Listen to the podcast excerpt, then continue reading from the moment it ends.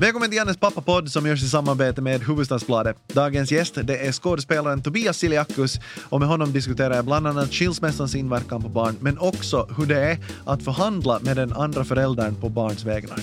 Jag är ofta den förhandlaren som kommer till det är så här match ikväll. Kanske Theo skulle få titta på det så att jag förhandlar för hans del. Han behöver inte ens göra jobbet själv. Han behöver inte ens ta fighten själv.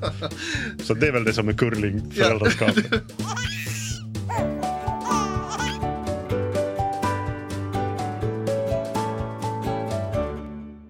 Tobias Siliakus, välkommen. Tack så mycket. Janne Grönros. Tack. Det vi, ska vi använda förnamn efter det här? Eller? vi kör med hela. Jag har ju ändå klätt upp mig så jag tycker vi skulle hålla det lite sådär formellt. Eh, tänk, eh, tänk du sådär att du, att du klär upp dig till en papparoll här? Lite faktiskt, ja. ja. ja. På något sätt tänkte jag, vad, i, vilken, i vilken roll och vilken egenskap stiger jag in i det här samtalet? Så tänkte jag att det är ju jag måste på något sätt ge en bild av att också skådespelare kan vara ansvarsfulla pappor som klär sig med kragskjorta. Det är intressant för att eh, eh, både du och Linda, ni är ju båda skådespelare. Mm -hmm. ni, ni har tre barn, visst?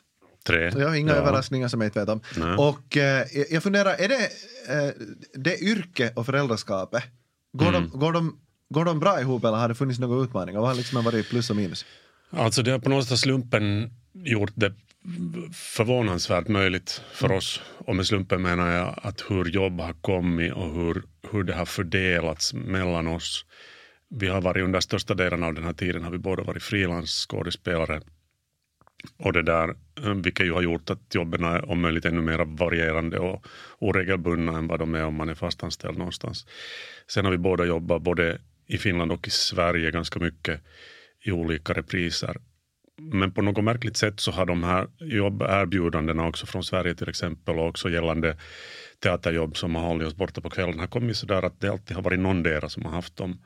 Någon enstaka gång har vi nog befunnit oss i en situation att vi båda har varit i varsitt land som inte har varit Finland och någon har ringt från skolan och sagt att det här barnet är sjukt. Och då, Jaha. att vänta nu, nu blev det liksom just så att jag kommer hem här på eftermiddagen från Sverige och Linda har redan åkt. Så att visst har det varit situationer men vi har varit välsignade med, eller är välsignade med, med det där hjälpsamma mor och farföräldrar som har hjälpt till och, och andra stödtrupper. Så att ja, i mångt och mycket är det ju utmanande förstås och i synnerhet när barnen var små det fanns en vår när vi båda spelade teater i samma produktion på Teatervirus när våra äldsta barn var ett och två år gamla.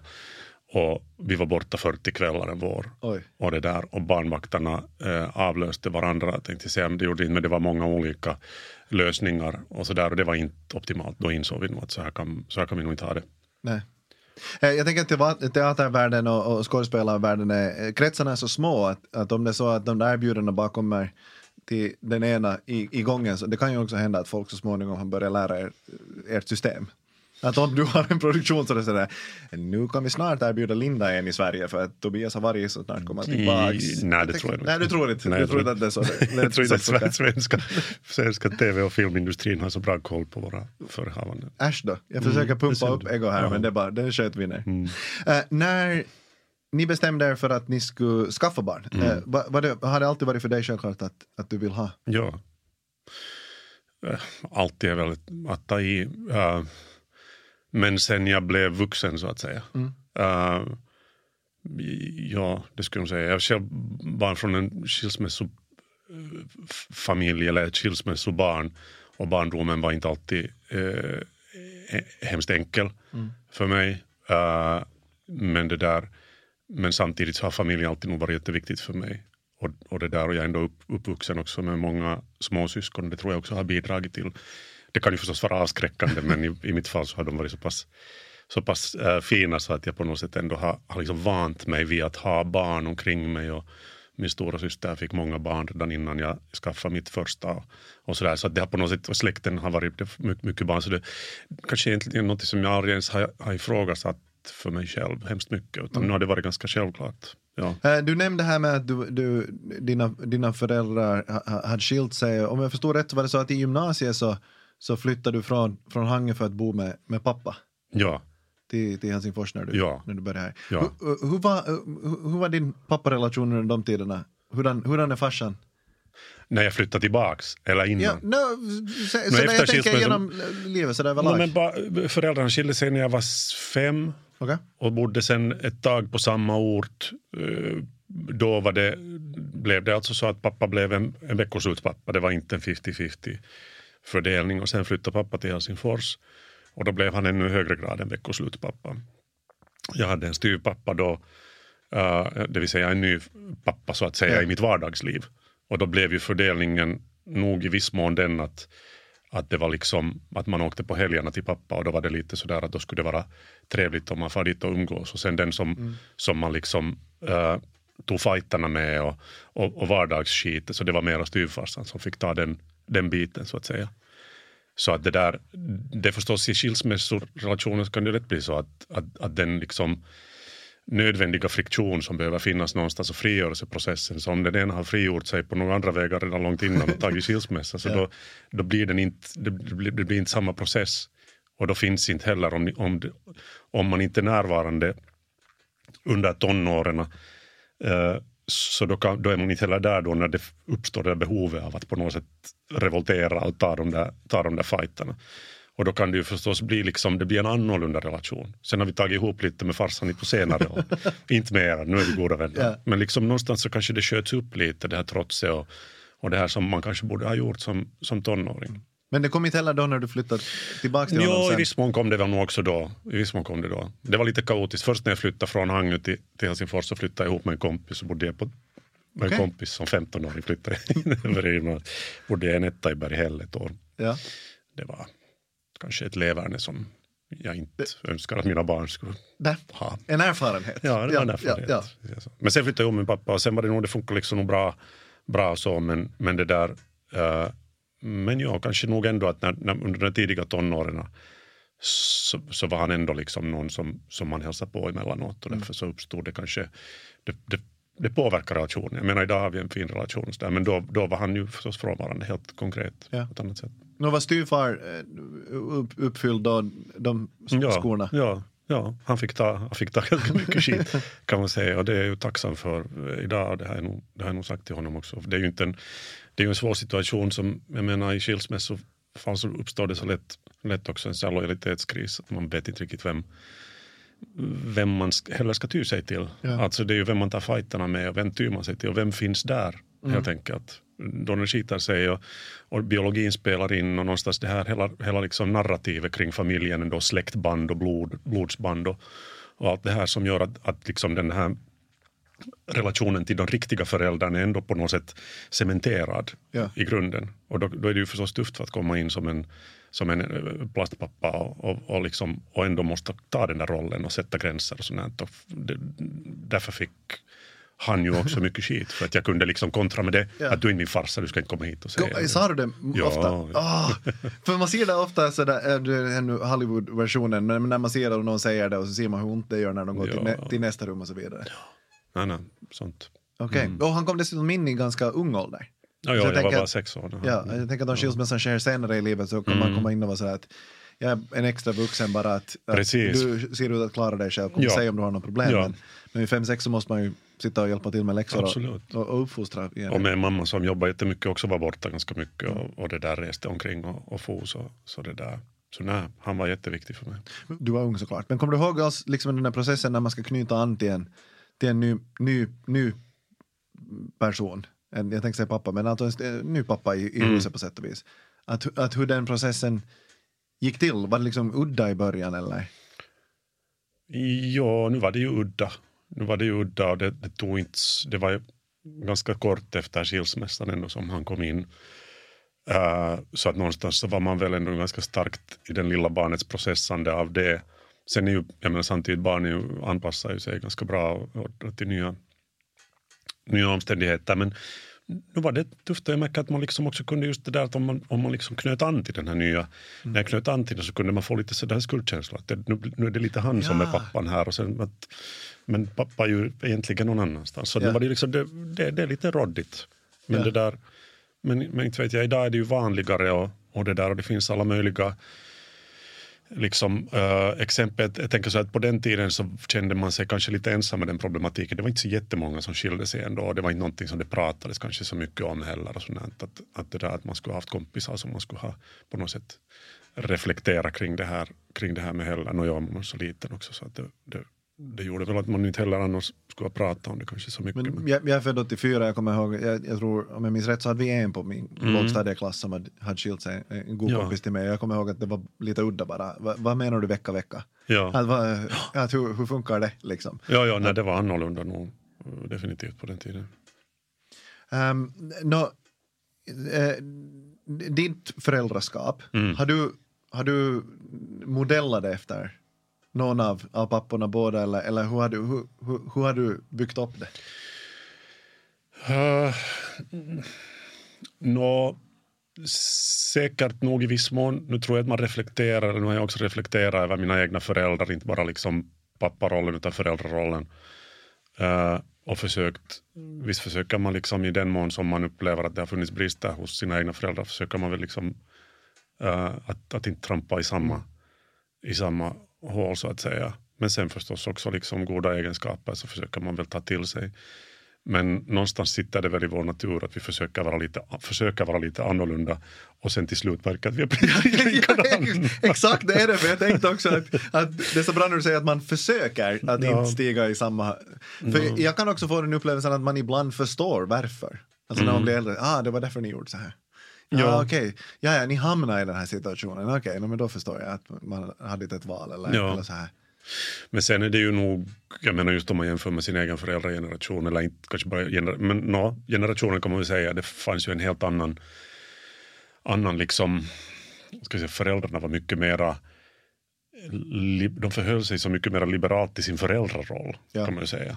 Sen, var de ju, sen kunde det nog finnas, liksom, eller mina föräldrar kunde nog ha har liksom stränga uppfostrings... Liksom, jag menar, det kunde finnas bitar i det som var ganska strängt men någonstans det där fanns ju ändå det där med att menar, det var 70-tal och det var lite och de ville leva livet och de ville inte bara sådär, vara föräldrar utan allt möjligt annat skulle hända och sen hängde nu barnen lite med. Det var liksom mera den tanken då. Och det har ju blivit en motreaktion förstås, liksom just i min generation. Uh, med det att man har blivit kanske mer över, nästan överbeskyddande och mm. vill liksom verkligen visa att jag finns här ja. för de här barnen i vått och torrt. Och det, där. och det är nu sånt som är på gott och ont. Mm. Jag kan någonstans uppleva själv att jag har fått ganska mycket gott också av det att, att, att det har varit ganska sådär inte så strikt och inte, och inte heller just sådär liksom jättebeskyddande utan att man har fått liksom lite flänga runt och, och det där. Och, och, du bodde då som 15-åring ja, i Berghelgen Det är motsatsen till strikt tror jag. Att liksom, ja. if it doesn't kill you. ja. Så det där. Uh, så att en, en, del av liksom de, de skillnader som är om man liksom jämför med sina, sina egna föräldrar, en del är väl på det individuella planet och, och, och annat är liksom mera tidens strömning kan man säga. Och, en, och mera liksom en generationsfråga.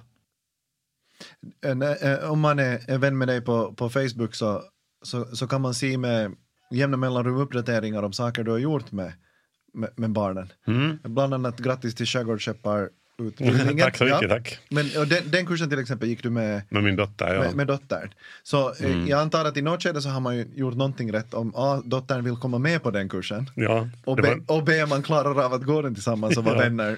Och hon till och med tog examen. Ja. Uh, nej, men det var ganska roligt faktiskt och, och, och, lite sådär otippat. Men det var, hon är de av barnen som har visat liksom störst intresse för, för båt, mm. båt och, och, lite för segling och, och sånt. Så, så, och, sen råkade, och jag har själv någon gång i tiden gått det men aldrig avlagt examen. Och I, i ah. armén faktiskt så, okay. så gjorde jag, gick jag kursen. Och, jag har själv rört mig mycket på sjön och sådär. Men sen dök det här upp och så frågade jag och sen hon sa att ja varför inte. Mm. Att det kan ju vara helt helt nyttigt och vettigt. Och det blev en sån där rolig liten grej som vi sen gjorde. Så att det, där, ja, det var skoj. Det var roligt när vi hade klarat av hela kursen och satt på botta tillsammans drack öl. Det är också den där, när man plötsligt inser att man, man går på öl med sina barn. Ja. Det är liksom märkligt. Jag undrar hur mycket det har att göra med barnen och hur mycket mm. det har att göra med en själv för att man fattar ju något skede att när jag, jag kommer ihåg när min lilla syster hade 30-årsfest så jag sa mm. vänta lite om du fyller 30 mm så fyller jag... Då måste jag också vara mycket, Ja, jag fyller mycket mer än dig. no. Att det är kanske mer en sån insikt man får. Ja, men säkert blir det nog när de flyttar hemifrån. Jag menar det är ju sådär som som med några kompisar som man inte har sett på. Det är ju när, när tid går emellan mötena som man inser att folk också blir äldre. Ja, Så- så. Ja, om man ser det hela tiden så då är det inte riktigt samma sak. Nej. Din son var just i armén. Mm. Och, och, kan du berätta om, om, om dagen när han ska rycka in? Vad, vad, vad är tanken, vad är känslan? Det är ju ändå ett, en övning i att skicka bort sitt barn Ja, hemifrån. ja, det är en övning att kika bort. Det, no, det är intressant just i det här fallet förstås för att han ryckte in i januari det här året och det var en annan värld vi levde i. Ja. Och jag minns nog att vi pratade om det här och han var, han var aldrig hemskt intresserad av det. Jag skulle han kunna komma liksom lätt, tidsmässigt lättare undan eller undan med, med, med samma tjänstgöring på, med civiltjänst så skulle han säkert ha gjort det. Uh, men det där men nu valde han så här och jag minns nog att han att vi pratade om det där och han frågade vad om det sen, om det sen blir krig. Alltså någonstans så gick det upp för honom ganska sent det där att det här innebär ändå det att, att om det någon gång blir krig så, så, så, det där, så, måste, så, måste, så har jag då skyldigheter i, i, i, det, i det fallet. Och då i den världssituation som var då så sa jag ju som jag upplevde det då att det är en försvinnande liten hypotetisk chans för att världen såg fruktansvärt annorlunda ut då. Och sen så att emotionellt var det kanske tuffare för mig också sen när kriget bröt ut och när man plötsligt insåg att, att världen krymper och, och, och hemskheterna kommer närmare. Hur gick diskussionerna då? Jag antar att ni... Ja, nu diskuterar vi då. Det var samtidigt, han hade, det, var, det var så konstigt för att coronan var ju ändå ganska hårt på då när han ryckte in och det var mycket så här restriktioner och kunde inte komma hem på, på ledigheter och det var det ena och det andra och han trivdes nog inte hemskt bra under liksom, den här rekrytperioden och, och så där och, och, och det är klart att sen när det bröt ut så det började florera ganska mycket så där rykten genast där på, inom liksom på garnisonen sånt att nu ska det skickas till gränsen extra trupper och det kan hända att vi ska fara och någonting sånt. Nå, det lugnades ju ner ganska snabbt sen och sen, nej inte var det sen, han fick en, han fick en det där ansökte och fick en placering som, eller kommendering, vad ska säga, uppgift som, som redaktör på, på den där uh, fanbäraren, den här garnisonens eh, tidning. Och i och med det så flyttades han mera bort från stridsutbildning Ja. och så här. Men han hade, bland annat hade han ju en, en det där kille där i samma, samma eh, stuga som, som är från Ukraina. Så det där har ena föräldern finsk och, och det där hade kommit redan tidigare till Finland. Och, och så där så att på det sättet kom det liksom nära. Men det där, inte vet jag, nu, nå, nu funderar man ju förstås. I synnerhet nu, sen är det ju konstigt, nu har det gått ett halvt år sedan kriget startade och någonstans så har det liksom, någonstans har man blivit liksom avtrubbad Mm. Ja. och tänker ju inte på samma sätt. Eller Nej. jag åtminstone. Nej, på så- samma nej, så- sätt. nej, Sådär så är som att "Öh, det här kan hända mig eller dig. Eller du, menar, du är i reserven. Jag är väl fortfarande i reserven fast jag aldrig har fått fara på några repövningar. Men, Du har inte. Jag skulle kunna gett min plats när som helst. Så ja, ja, men jag var att i något skede så att, mhm, jaha. att är det så att de det där tittar att han, aj, han blev skådis. Han kommer inte. han kommer inte, eller inte han något till lite. Han är säkert knarkare nu. Vi tar inte sådana där hippie. Han har långt hår också nu för tiden. Ja, det får vara. Så att nej, men någonstans formellt sett så är jag nog fortfarande reservist eftersom jag ändå är befäl. Så, så det där. Så att, Jag men det är också sånt som vi kommer att barnen fråga. Barnen frågar när de var, när de var mindre så frågade de eftersom de visste att jag hade gått till armén och jag var i reserv så frågade pappa om det blir krig så hamnar du då ut i krig. Alltså redan långt innan det här kriget så hade ju funnits kriser i världen och, och barn funderar ju på sånt. På, på hemskheter och det kommer ju perioder och det kommer knepiga frågor gällande både det ena och det andra. Uh, så, det där, så den frågan kommer jag nog ihåg att ha, ha ställts av säkert alla tre barnen. Att vad händer med mig? Och då svarar man ja. Då svarar man att ja, nu kan det hända. Ja. Ja. Om det skulle gå så. Men förstås försöker man hela tiden tona ner alla tänkbara saker. Och det här är ju dagens utmaning för mig som förälder nog. Att balansera i den värld som vi lever i nu där det liksom är, där det börjar med det här årtiondet börjar med pandemi och så har vi ett krig och så har vi egentligen den stora katastrofen som är på gång hela tiden. ja. Och så har man en, en, det där, en ung generation som är jätteinsatt i det här och medveten om det och jävligt rädd. ja. Med rättvisa. Och hur man liksom tacklar det. Med barn som säger att de är ganska övertygade att de inte kommer att leva längre än till 50-60 för att sen kommer liksom mänskligheten att gå under. Så att där vara liksom sådär å ena sidan inte liksom dissa deras åsikter men å andra sidan inte försöka spä på eller mm, Har du haft en, har du, när jag var liten så kommer jag ihåg att eh, alltid mamma och pappa såg det på mig nu att jag hade någon fråga, jag, gru, Mm. jag grubblade på något Ja. och så brukar de komma och sätta sig på sängkanten på kvällen sen när man ska få sova. Och Ja. Jag kommer ihåg hur man kunde liksom vänta på att de skulle komma och sätta sig där och säga godnatt så att man skulle Få ställa få frågor. ställa frågan. Eller att man var sådär, jag tror inte jag vågar fråga, jag vet inte jag vågar fråga. De har alltid väldigt Mm. liksom eh, uppmuntrat en att fråga och sagt du kan fråga vad som helst för frågor och, och, och så här. Men jag kommer ihåg, det är ett sånt starkt minne som jag har hur jag bara säger, ska jag fråga det här, ska jag inte fråga? Och, och det kunde handla om, och i princip vad som helst. Mycket var det ju när man blev äldre som handlade om, om, om blommor och bin och, Mm. och, och kärlek och, och, och samliv och så, och så vidare. Ja. Som man sen liksom var sådär, okej, okay, men jag frågar. Och det var alltid skönt och, och roligt att prata med dem. Det var ju alltid en fin diskussion, men, men, men har, har du haft likadan relation att, att det har diskuterats? Sa, samtalat mycket? Har, de, har, de, har dina barn frågat dig liksom mycket? Um, nå, periodvis lite, men inte kanske så hemskt mycket. Mindre än vad jag skulle ha trott kanske. Vad Och jag har nog ändå försökt liksom göra mig tillgänglig och säga att om det är någonting och för- absolut och, och hur är det och sådär. Men det där, kanske hade jag trott att de skulle ha frågat ännu mer. Kanske det är tiden vi lever i som gör att folk tar reda på saker på annat håll än att genom att fråga, fråga av föräldrarna.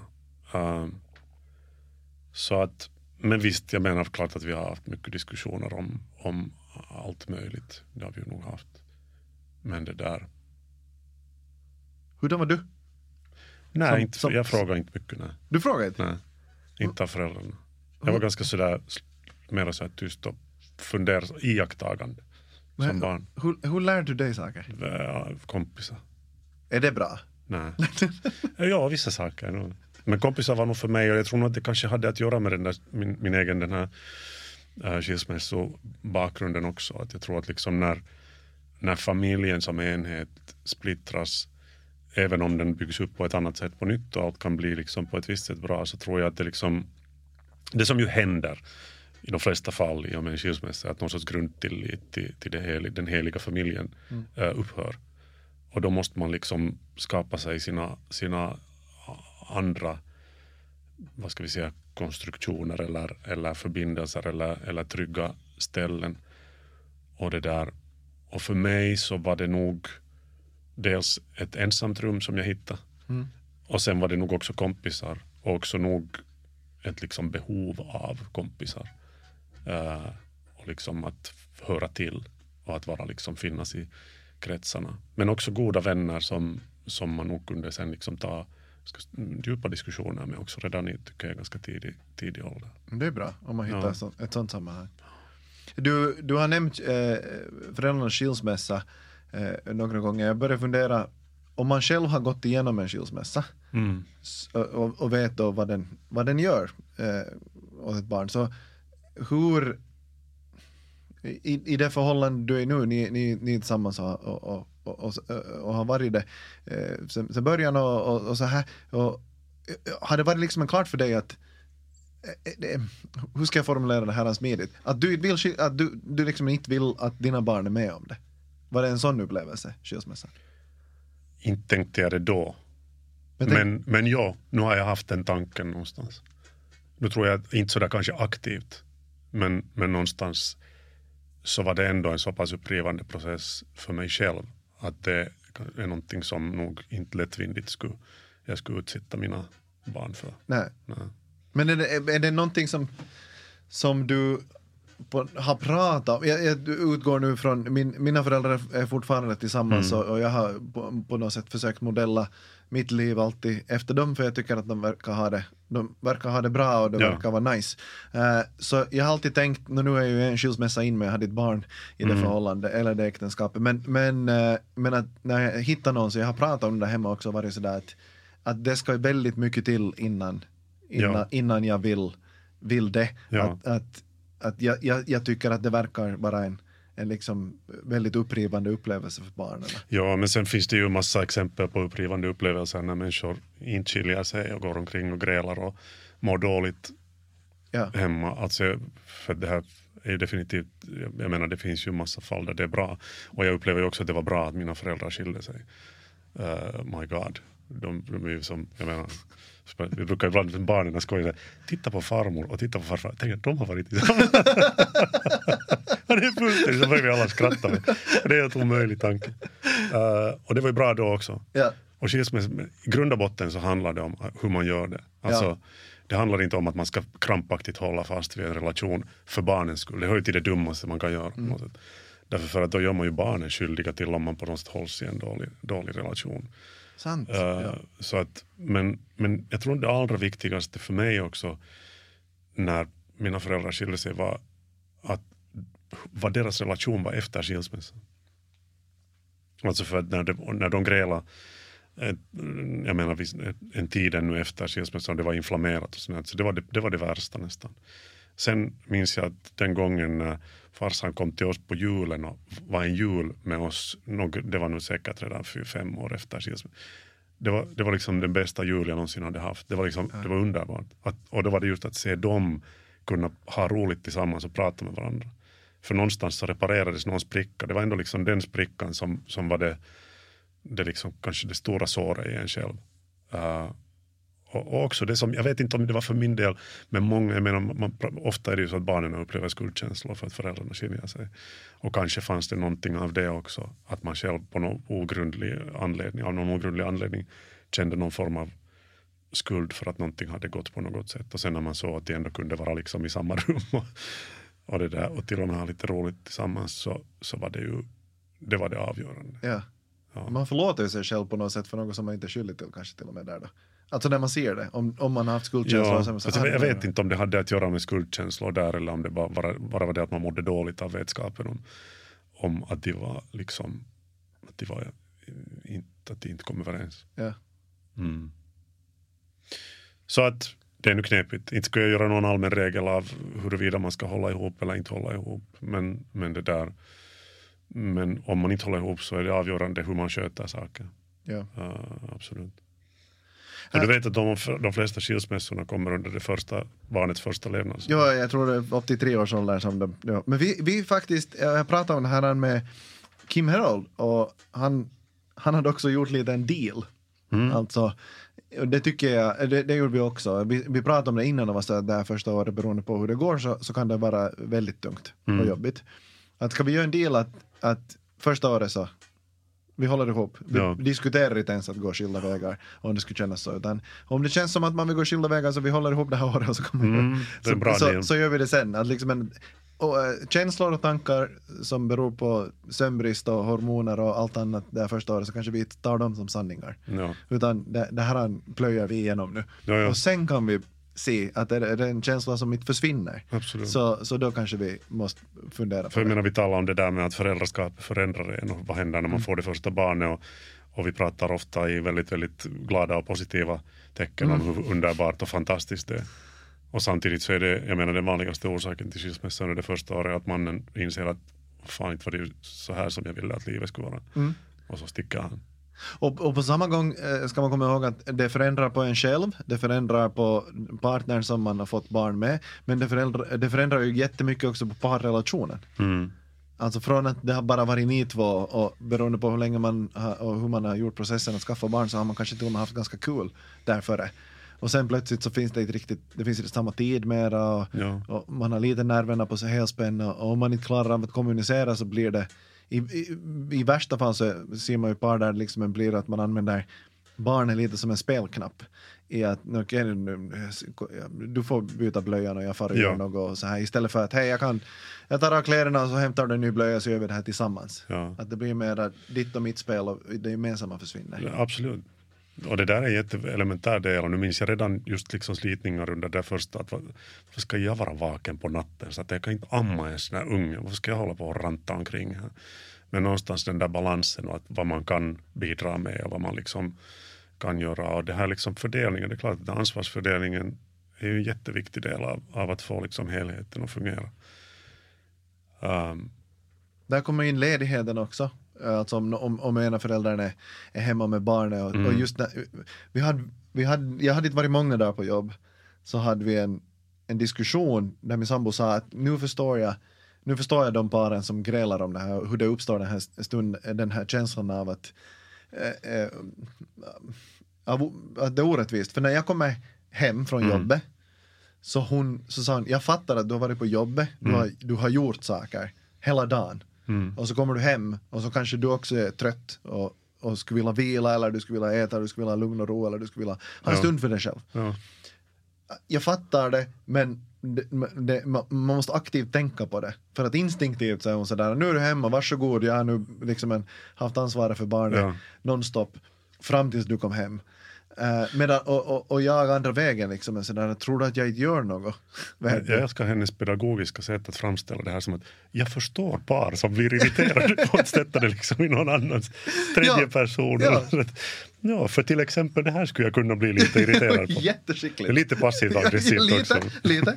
Men, men, eh, men jag tror att, där i, i, i, att det hjälper att man är omringad av människor som, som har barn och som är ungefär i samma eh, livssituation. De flesta då, vet du, som vår, eh, vår son är, är närmar sig fyra månader så de flesta är lite före.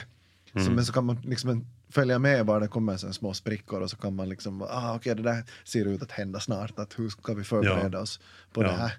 Och, Ja, ja. och så.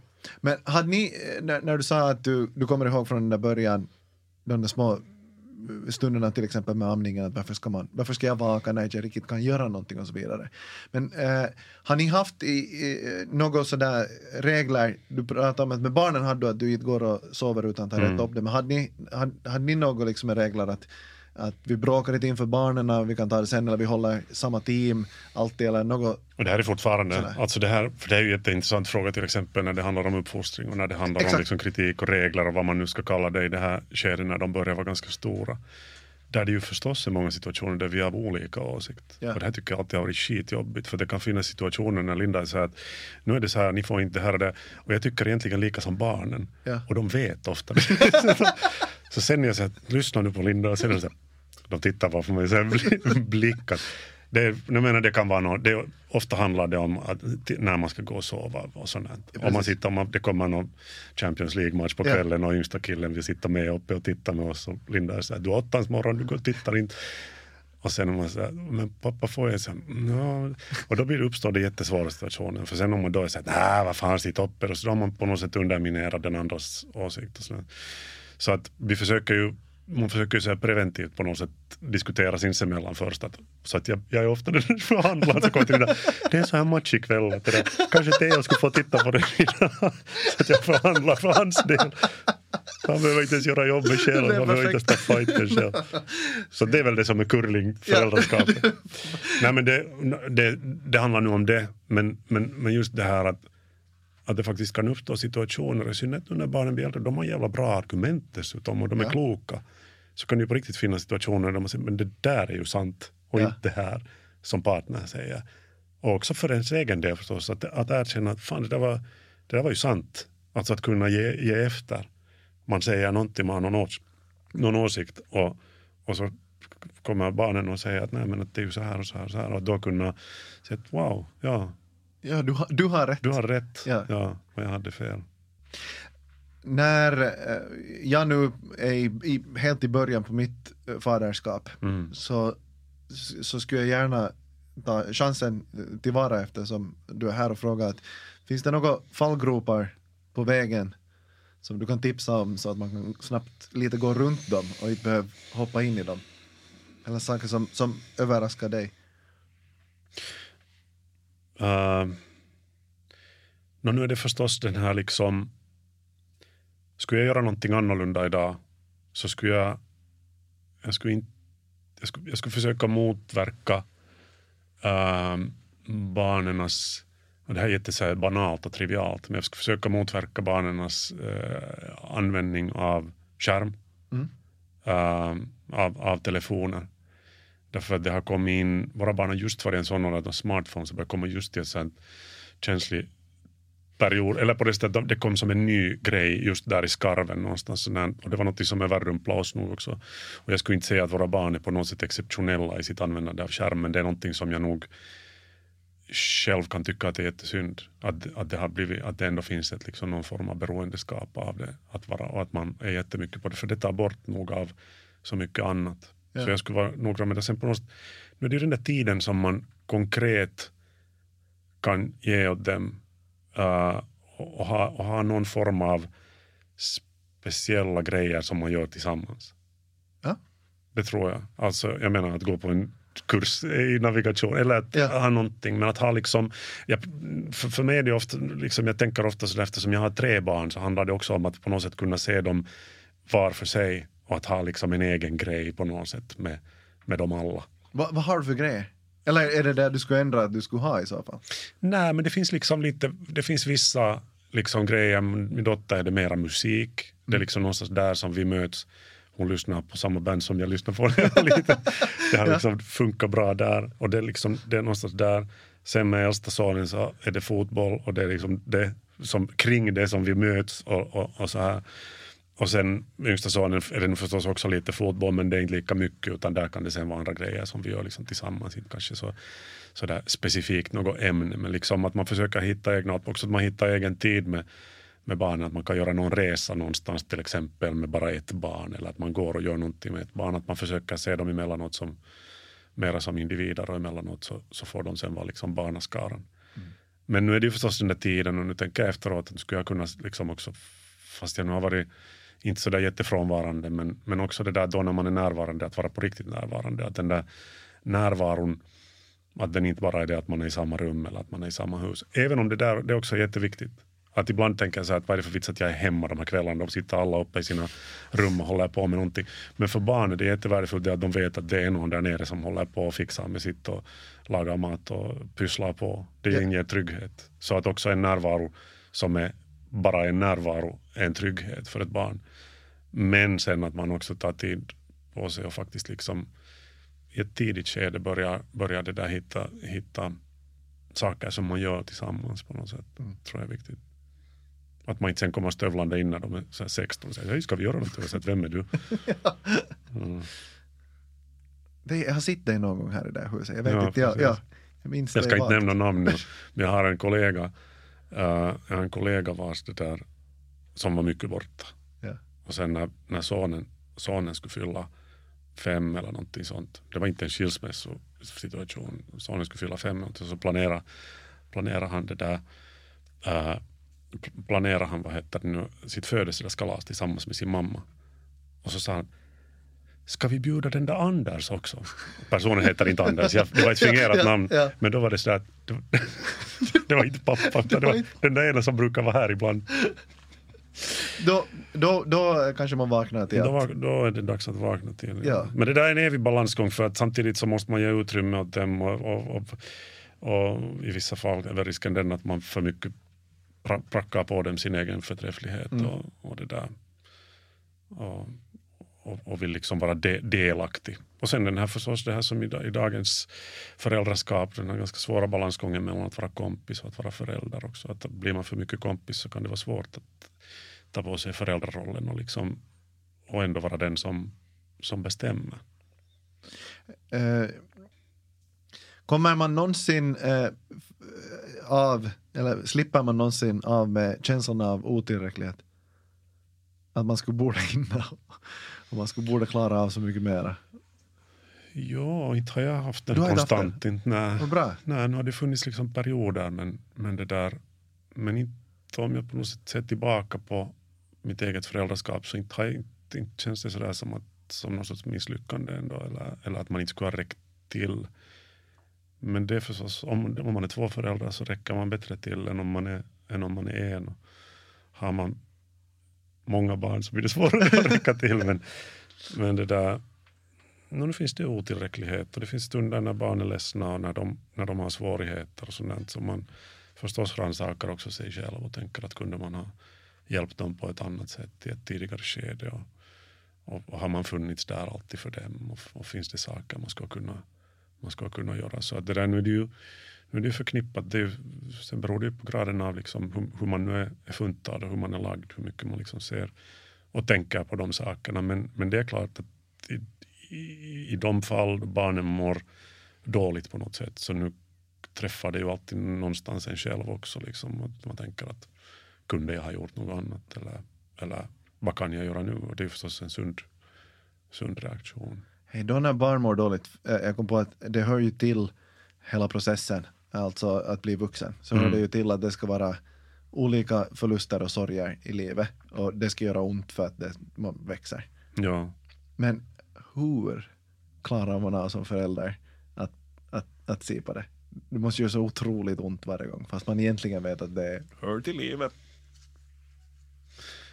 Ja, nu vet jag inte hur den, vad, vad för sorts förluster du Nej, du men jag liksom tänker syftar bara till tänker exempel första hjärtesorgen eller Mm. liksom bara husdjuret som dör eller vet du, Ja. alla de här sorgerna som, Ja. som hör till livet, Ja. som känns större än liksom den största smärtan du har upplevt. Men, men det främst beroende på att det just faktiskt är den största smärtan du upplevt. Sen kommer det större Mm. problem senare, eh, kanske i livet. Ja, inte vet jag. Det är, det är nog någonstans att finnas. Det är, alltså, men det är, Men är nog mitt simpla hemska att följa med. Ja, visst kan det vara hjärtkärande. Absolut. Absolut. Men nu vet man att nu kommer man nu vidare därifrån Ja. mestadels. Så att det där, ja. No. Mycket att se Ja, fram nej, emot. det, finns, det finns allt möjligt. Ja. Det är ju sådär, men så är det ju med livet annars också. Att skulle man veta allt som väntar skulle man ju torka. Jag tycker det är en, en bra mening att avsluta med. Mm. Tobias Iliakos, stort tack. tack.